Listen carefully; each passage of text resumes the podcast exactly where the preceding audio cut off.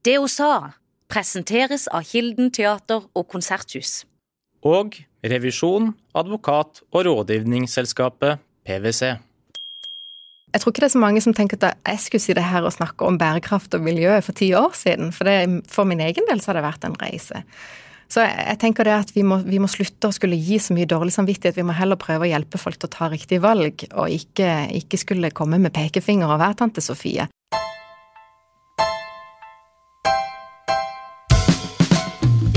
Rimstad, du er grunnlegger av Skapet i Kristiansand.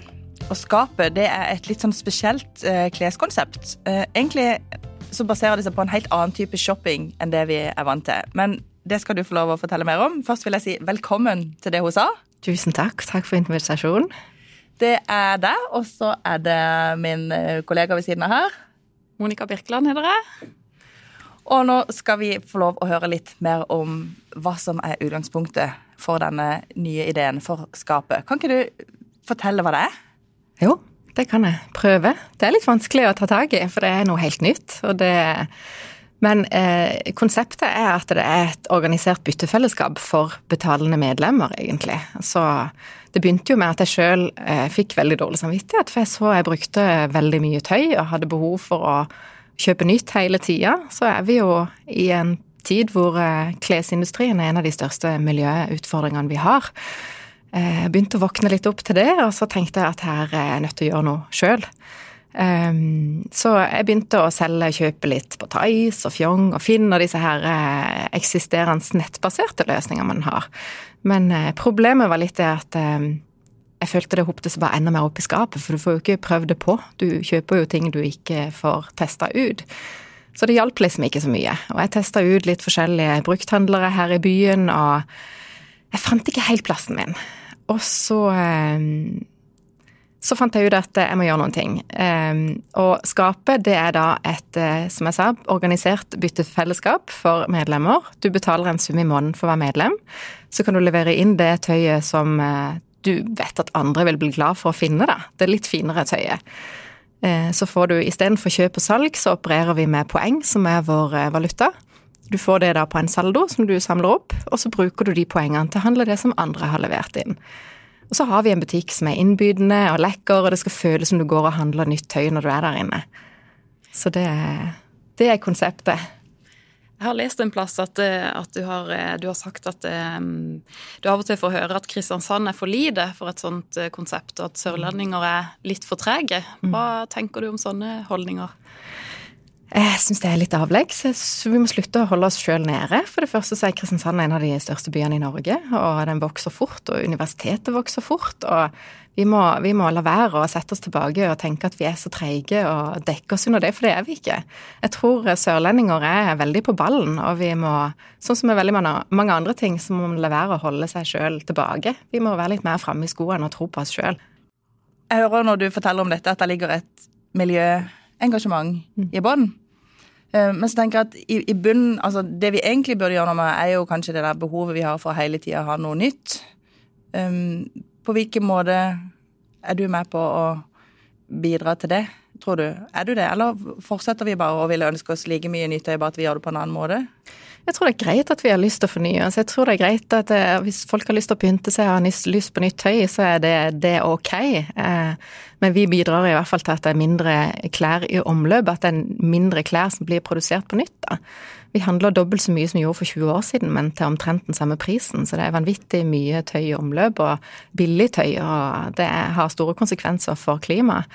Så ja, vi kan godt si noe på det, at vi kanskje burde eh, ikke ha behov for å fornye oss hele tida. Men eh, jeg tror også man blir mer bevisst av å være medlem hos oss. Jeg tror man handler mindre generelt, at man får et, et litt annet syn på det. Vår målgruppe er jo også de som normalt kanskje ikke finner seg til rette, og ikke er vant til å handle gjenbruk. Eh, så de, mange av de har bare lyst til å være medlem en måned, og så, så slutte igjen. Men så blir de værende, for de får et litt annet sånn forhold til det med shopping og klær og ja, i det hele tatt. Så det kan godt være det virker godt inn på begge måter. Tenker du at du er med på å oppdra folk litt til å bli litt mer bevisst gjennom det konseptet? Jeg håper det. Det er litt sånn, eh, som vi sier, jeg har eh, studert folkehelsevitenskap, og der er det noe vi kaller nudging, som er litt sånn at du dytter folk litt i riktig retning, uten at de kanskje er bevisst på det sjøl. Det kan være at det er lettere å ta trappa istedenfor rulletrappa, ikke sant. Sånne ting som gjør at du peiler folk litt inn på riktig, riktig sted, da, uten at det skal føles som et stort kompromiss. Og det er jo det vi også ønsker med konseptet, at folk, eh, at folk ikke skal føle det som et kompromiss. At det, skal, at det skal være noe som er attraktivt og gøy og pengebesparende og en god troika. Jeg lurte litt på hvordan klarer dere å holde mm, et bra utvalg i butikken? Er det nok med det som folk eh, leverer inn, eller må dere liksom hente noe nytt av og til? Eh, ja, altså nå håper vi jo på å få enda flere medlemmer. Jo flere vi har, jo større omløp vil det bli. Men vi har en sånn boks bak eh, kassa vår som det er plass til 16, 16 kasser.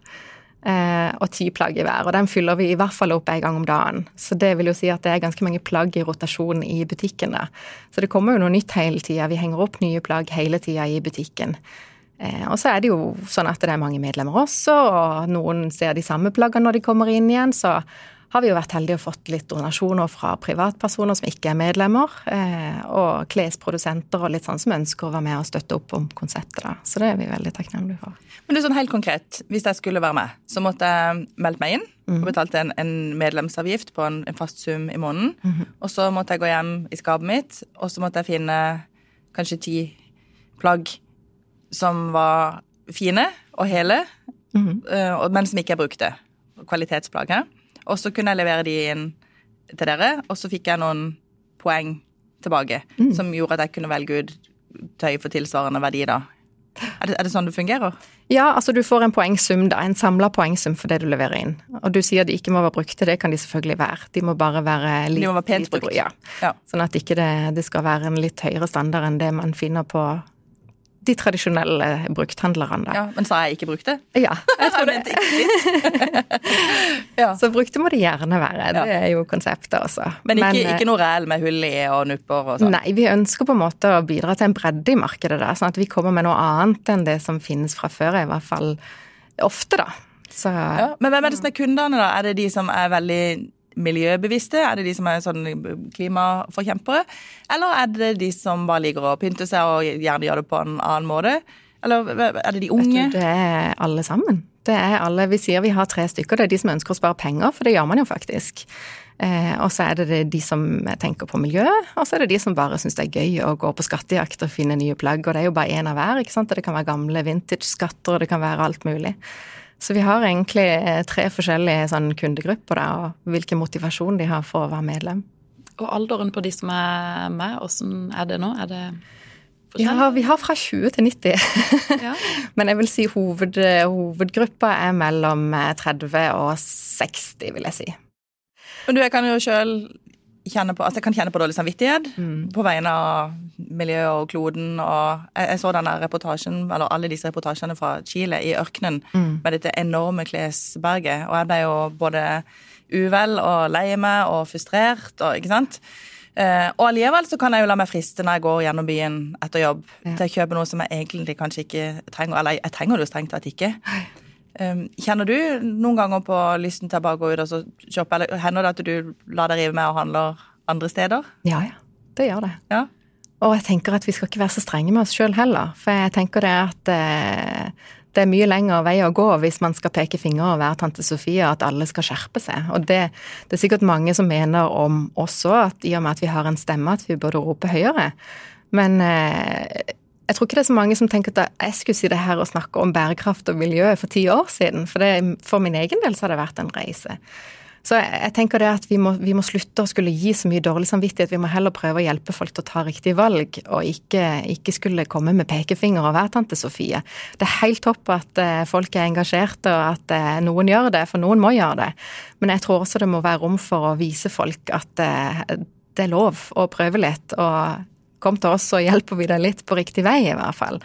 Det, Men du, fortell om den reisen din. Mm. Den endringa som har vært hos ja. deg. Ja. Eh, det begynte jo egentlig i 2016. Jeg har jo jobba mye med salg og markedsføring og hatt mye i den karrierens jage som alle andre har. Eh, så kom det til et punkt hvor jeg egentlig følte det ikke ga så mye mening lenger, for å være helt ærlig. Jeg møtte bare en mur hvor jeg tenkte nå må jeg gjøre et eller annet. Og så gikk jeg ned i prosent på jobben og begynte å studere eh, i 2016. Eh, og det var jo seint å begynne å studere i gåseøyne, da, for det, er jo, man skal liksom gjøre det rett etter videregående. Så det var jo det var, det var veldig spennende, og det var utrolig gøy. Eh, jeg tror man lærer på en helt annen måte når man er voksen og man har mer interesse i det man velger, og i det hele tatt så var det en utrolig fin opplevelse. Og i løpet av studieløpet der så var det veldig mye fokus på både entreprenørskap og bærekraft og miljø, egentlig. Så det var jo det var der jeg begynte å se litt mer hva dette her dreier seg om, og få en interesse for det. Hvilke studier var det du tok, da? Eh, jeg begynte på eh, ernæring eh, og så videre på folkehelsevitenskap, da. Så det var mer sånn interesse. Jeg hadde bare behov for å gjøre et eller annet. Jeg måtte bare, Det var ikke noe, jeg tenkte ikke jobb, jeg tenkte ikke framtid. Det var bare sånn dette interesserer meg for når jeg har lyst til å gjøre det. Og så, så ble det bare vekt en sånn ild i meg, kan du si. Jeg har alltid hatt en skapertrang. Jeg har alltid lyst til å gjøre noe. Jeg har alltid lyst til å stå på egne bein. Og så, så ble det bare parallelt med dette her miljøengasjementet. Så jeg fikk jo også en, en samboer som Eh, er dansk, så vi har en leilighet i København, så jeg har oppholdt meg veldig mye der de siste seks-syv årene. Og der er det jo så utrolig mye lenger framme i skoene, og der er det jo nesten litt sånn harry å gå og handle nytt tøy. Det er mer gjenbruksbutikker enn det er vanlige butikker omtrent, i hvert fall i det området vi bor. Så det var, det var også der det ble vekt litt engasjementet, da. Hvor jeg så at det, det er faktisk kult, det kan være attraktivt, og det kan være gøy, og det trenger ikke være litt sånn trenger ikke lukte vondt når du kommer inn i en butikk. Og du har liksom det stigmaet der som mange har med gjenbruk. Og mange syns jo av de som kommer til oss òg, at det er litt sånn Dette er jo brukt tøy, jeg er ikke vant til å gå med andres tøy. Er det litt sånn ekkelt? Men det er det absolutt ikke. Så da tror du en utdannelse med utgangspunkt i noe du brant for, det du hadde lyst til å gjøre. Mm. Og så på et eller annet vis så førte det deg jo mot å gjøre noe konkret i klesbransjen. Hva skulle til for at du kunne starte en butikk? Uh, ja, hva skulle til? Engasjement og guts. Ja, og så måtte du sikkert ha noe penger og noen samarbeidspartnere. Ja, ja, du vet det er lite investeringer for oss i og med at medlemmene våre sjøl kommer med klærne. Da. Så sånn sett var det jo en ganske liten risiko annet enn de løpende faste utgiftene. da. Så det gjorde jo at uh, steget ikke var så vanskelig å ta. Men uh, det er jo allikevel beintøft, og det er drita skummelt. Og det er jo noe med den herre det å, å, bare lene seg inn i noe som er usikkert, når du er vant til å ha en fast jobb og noe å gå til hver eneste dag, og lønna kommer på konto og Men jeg tror vi faller liksom litt fort tilbake på den derre at vi bare slapper av i der vi er, og det vi gjør. Jeg tror eh, livet er meninga at vi skal utfordre oss sjøl og lære og feile og prøve og det er liksom karrierejag fra vi lander på beina og begynner på skolen og videre, og hva skal du velge, og hvilken jobb skal du ha, du skal stige gradene, og så er det hele tida nye mål, og så til slutt så kommer du til kanskje midt i livet der hvor du tenker er dette, er dette alt? Men Fikk du med deg noen på, på laget, da? Ja, det gjorde jeg. Eh, det er jo min samboer, da, som er dansk, eh, og så eh, Anne Lill Gjøvland, som jeg var superheldig å få med. Hun har jo drevet med butikkdrift og er kjempegod på visuell merchandising, som det så fint heter på norsk. Hva er det, da? Nei, Bare det å pynte fint i butikken og gjøre det salgbart og lekkert og innbydende, kan du si. Så hun, eh, hun, eh, fikk jeg overtalt egentlig nesten med en gang, det hadde jeg ikke trodd, men hun var veldig sånn, veldig på ballen, faktisk. Så det var kjempegøy. Og hun er utrolig flink, og vi er et veldig godt team. Så det er mest meg og hun som er og jobber i butikken, og så er jo Mats med og hjelper litt av og til. Og bak. Og nå har dere holdt på eh, ca. et år. Åssen har det vært da å gå fra en sånn litt mer trygg hverdag, og så inn der du er helt avhengig av det du leverer sjøl, på en måte? Ja. Det er veldig krevende. Det er tøft. Det er veldig gøy. Det er givende. Det er alle mulige slags følelser på hele skalaen, egentlig. Du vet jo liksom aldri hva som skjer neste dag og neste måned, og har vi nok penger, og hva med eh, litt med det du har hjemme òg, ikke sant. Du har jo et ansvar for å skulle betale regninger, og jeg har en sønn, og det er også litt sånn som kvinne da, og gründer at du føler litt på den mammaskammen, tror jeg. At folk eh, tenker litt ja, men skal du gjøre dette her, da, du som har barn, og er dette trygt, da, og i din alder, og det er mye sånn, mye meninger og mye holdninger til det å skulle gjøre noen ting når du både er mor og kvinne og i det hele tatt. Og jeg ble jo møtt også av en sånn som skulle veilede tidlig i fasen, da. Et helt legitimt spørsmål, men litt sånn ja, men har du barn? Ja, jeg har barn. Ja, er, du, er du sikker på at du vil dette her, da? Og da tenker jeg, og det, og det, er et helt legitimt spørsmål, for det er jo virkelig Det tar mye tid og alt, men så, så kan jeg ikke la være å tenke Hadde du spurt det spørsmålet til en mann? men når du fikk det spørsmålet, da, var det sånn at det fikk deg til å tenke ja, ville jeg egentlig det? Eller var det mer sånn at du tenkte at ja, selvfølgelig ville jeg det? At det på en måte trigga deg til å vise at du kunne? Begge deler. Først så fikk jeg utrolig dårlig samvittighet. Jeg gikk ut av det møtet så tenkte jeg dette vil jeg ikke, det er så uansvarlig. Og altså den skammen man føler på det, nettopp det med skam, det er en sånn ting som jeg gjerne vil til livs, for det ødelegger så mye for oss. Spesielt oss jenter, jeg tror for veldig mange. men Spesielt oss jenter, eller kvinner, da, hva vi skal kalle oss. Det er rart, for det er så mange av gjestene vi har hatt i podkasten som har snakka om skam. Og det er jo knytta til veldig mange ting. ikke sant? Det har vært knytta til ja, både det med å ikke være nok til stede som mor, det har vært knytta til det med å ha angst eller andre psykiske altså, utfordringer. Det er mye skam. Ja, det er det. Og jeg tror i forhold til oss jenter også, det er mye snakk om at eh, vi jenter er så stygge med hverandre, at vi baksnakker hverandre. og jeg tror det at mye ligger i skam. Jeg tror vi jenter føler mye mer på skam. Vi føler at vi skal se sånn og sånn ut, og vi skal oppføre oss på den og den måten. Det er kanskje noe religion i bildet, det kan være alle mulige ting, men jeg tror vi jenter føler veldig mye på det at vi skal være på en spesiell måte eller se ut på en spesiell måte. Det er mye skam og frykt i oss vi oppfører oss. Jeg tror, ikke, jeg tror egentlig ikke at eh, jenter Jeg tror egentlig ingen mennesker er stygge med andre hvis de har det godt sjøl. Så det vi heller må jobbe med, det er at jenter er trygge på seg sjøl. At de, de, får den der gutsen til å stå i hvem de er, og tørre å vise hvem de er, og ikke måtte liksom passe inn i en eller annen form eller en boks som samfunnet eller noen andre har bestemt. Nei, dette med skam, da. For meg så begynte jo min mm, endring av kurs da med egentlig en fødselsdepresjon, som på en måte er det ultimate skammen, ikke sant. Hvor du Mammaskammen tror jeg er en av de verste tingene man kan føle på som kvinne. Og eh, gikk ganske, gjennom en ganske tøff fødselsdepresjon eh, etter fødselen, og som forble ubehandla og egentlig ikke snakka om i det hele tatt. Jeg ville bare dysse det ned og skjule det vekk. Eh, og først ti år seinere i terapi, da, hvor man fikk nøsta litt opp i dette her, så skjønte jeg jo hvor mye skam og frykt egentlig har prega meg i mitt liv. Eh, og spesielt det også med at jeg er en person som gjerne sier ting fra levra, og så angrer jeg veldig etterpå. For det at det, ja, ikke sant, du har den andre siden med skam og, og frykten, og hva nå om folk tenker dette om det, og hvordan ser folk på det, og hvordan skal du egentlig oppføre det. Så, så, det med skam og frykt for oss kvinner, det er bare noe vi må, vi må legge bak oss, altså. Jeg tror den eneste måten vi kan kvitte oss med det på, er å snakke om det. Ja. Helt enig. Skamløst. Få det ja. ut. Ja.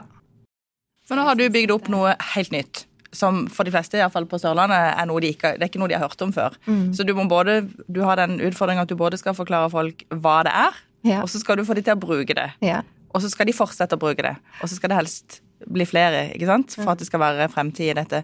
Eh, hvor mange medlemmer har du fått til nå?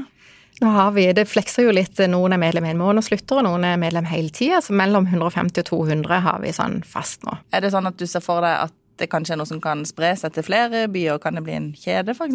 Ja, det er jo det vi ønsker deg i forlengelsen. Vi har jo veldig lyst nå må vi jo først prøve å se at dette går sjøl. Det er jo én ting å være bærekraftig av konsept, men det er jo ikke bærekraftig før økonomien også er bærekraftig. Så nå prøver vi sjøl og ser om dette her er noe som faktisk går an å tjene penger på, at det går an å lønne oss sjøl.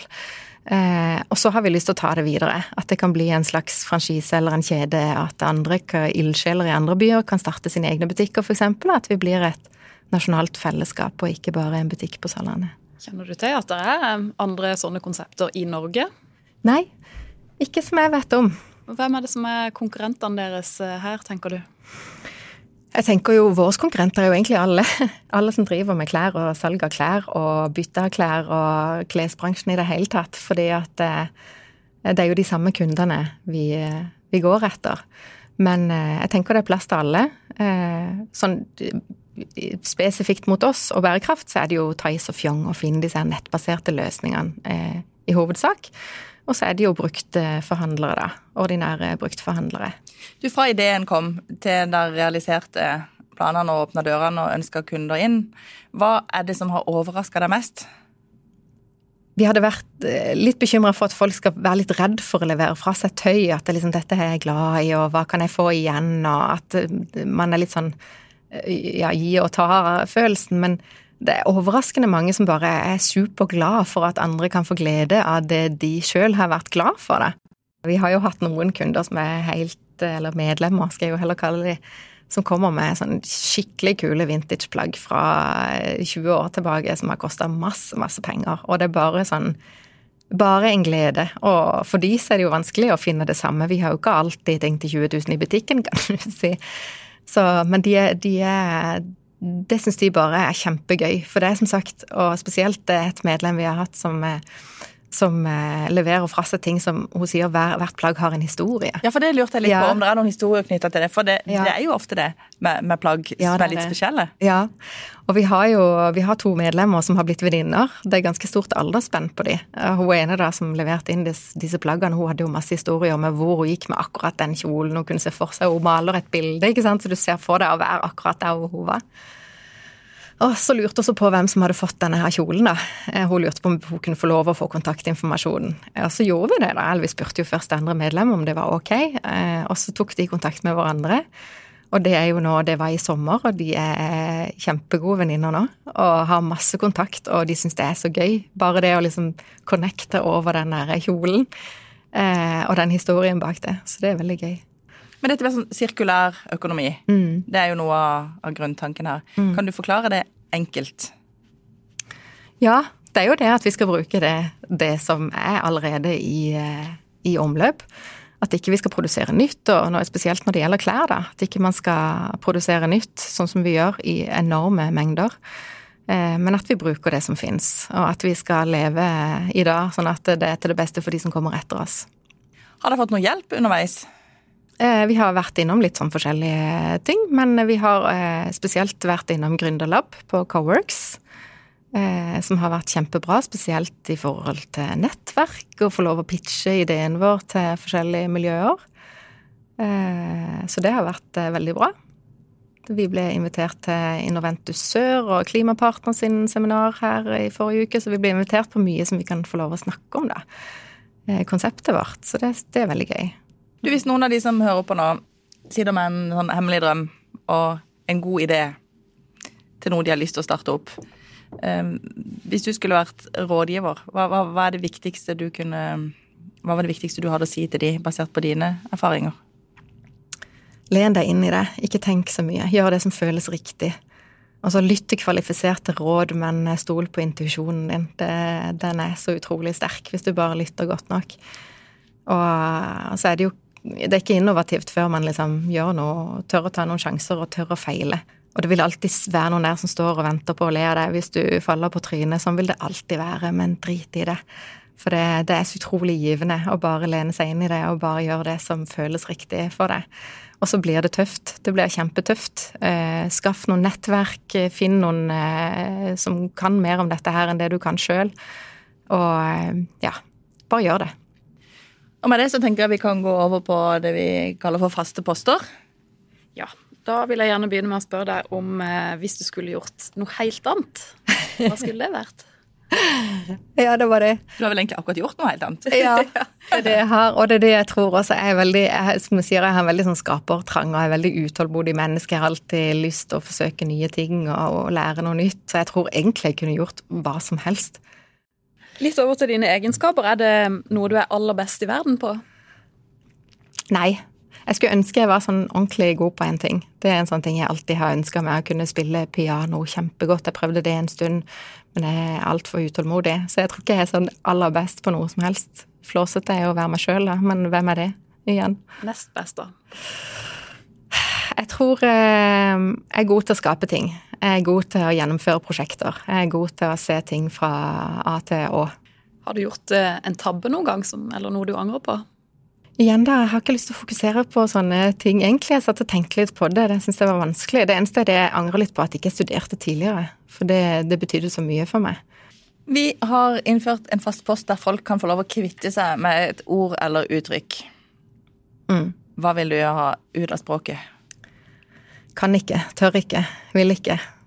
Alle kan og tør og vil, og det er der magien skjer. Det, det, det er ikke noe gevinst uh, uten risiko. Da gjenstår rett og slett bare fremsnakking. Mm. Hvem vil du fremsnakke?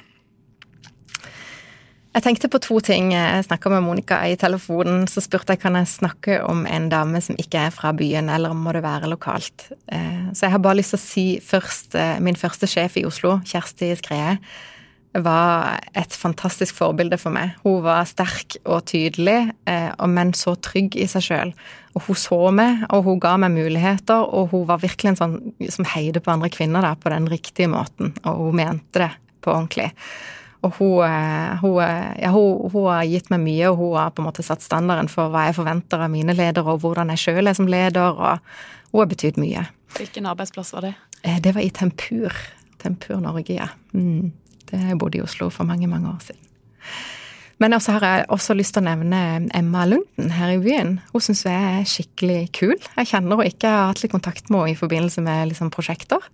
Men jeg syns hun, hun, er skikkelig tøff jente som tør å stå fram med den hun er, og brenner for bærekraft og miljø. Og hun er ung, men hun har pondus som om hun skulle vært eh, 60. Så hun er, hun er, skikkelig kul. Hun har jeg lyst til å heie på.